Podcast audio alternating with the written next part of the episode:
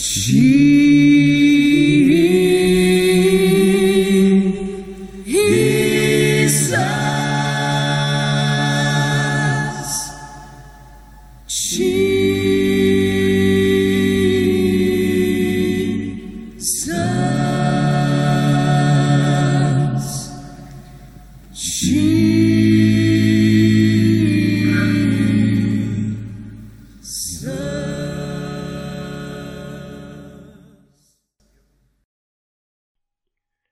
Välkommen till en spännande resa med Jesuspodden. Dagens avsnitt heter Hans familj säger Jesus är galen. Många berättelser om Jesus beskriver en god herde eller helbrägdagörare av sjuka. Vi hör också om hur han välsignar barn samt predikar ett budskap om fred och frihet. Men det är inte hela bilden. Idag läser vi om när hans familj förskräckt uttrycker att Jesus är galen.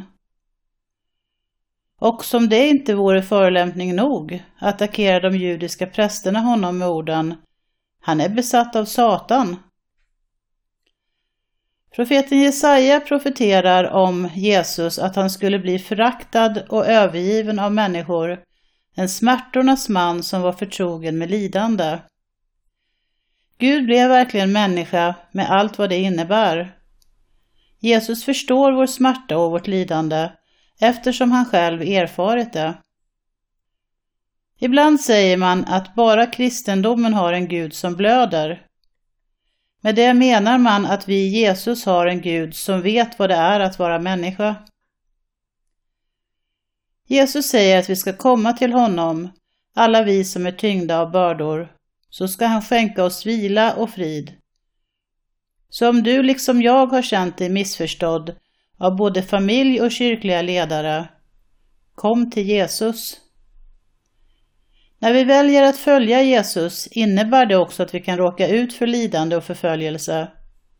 Bli då inte förvånad om det kommer från dem som har makt att såra dig som mest. Påminn dig istället om hur Jesus också blev utsatt för orättvisa påhopp Kom till Jesus så ska han ge din själ ro. Nu till bibelberättelsen från Markus evangeliet. Lyssna så får du höra. När Jesus kom tillbaka till det hus där han bodde började folk att samlas igen och snart var huset så fullt att varken han eller hans efterföljare ens fick tid att äta. När hans familj fick höra det gick de dit för att ta hand om honom han är galen, sa de.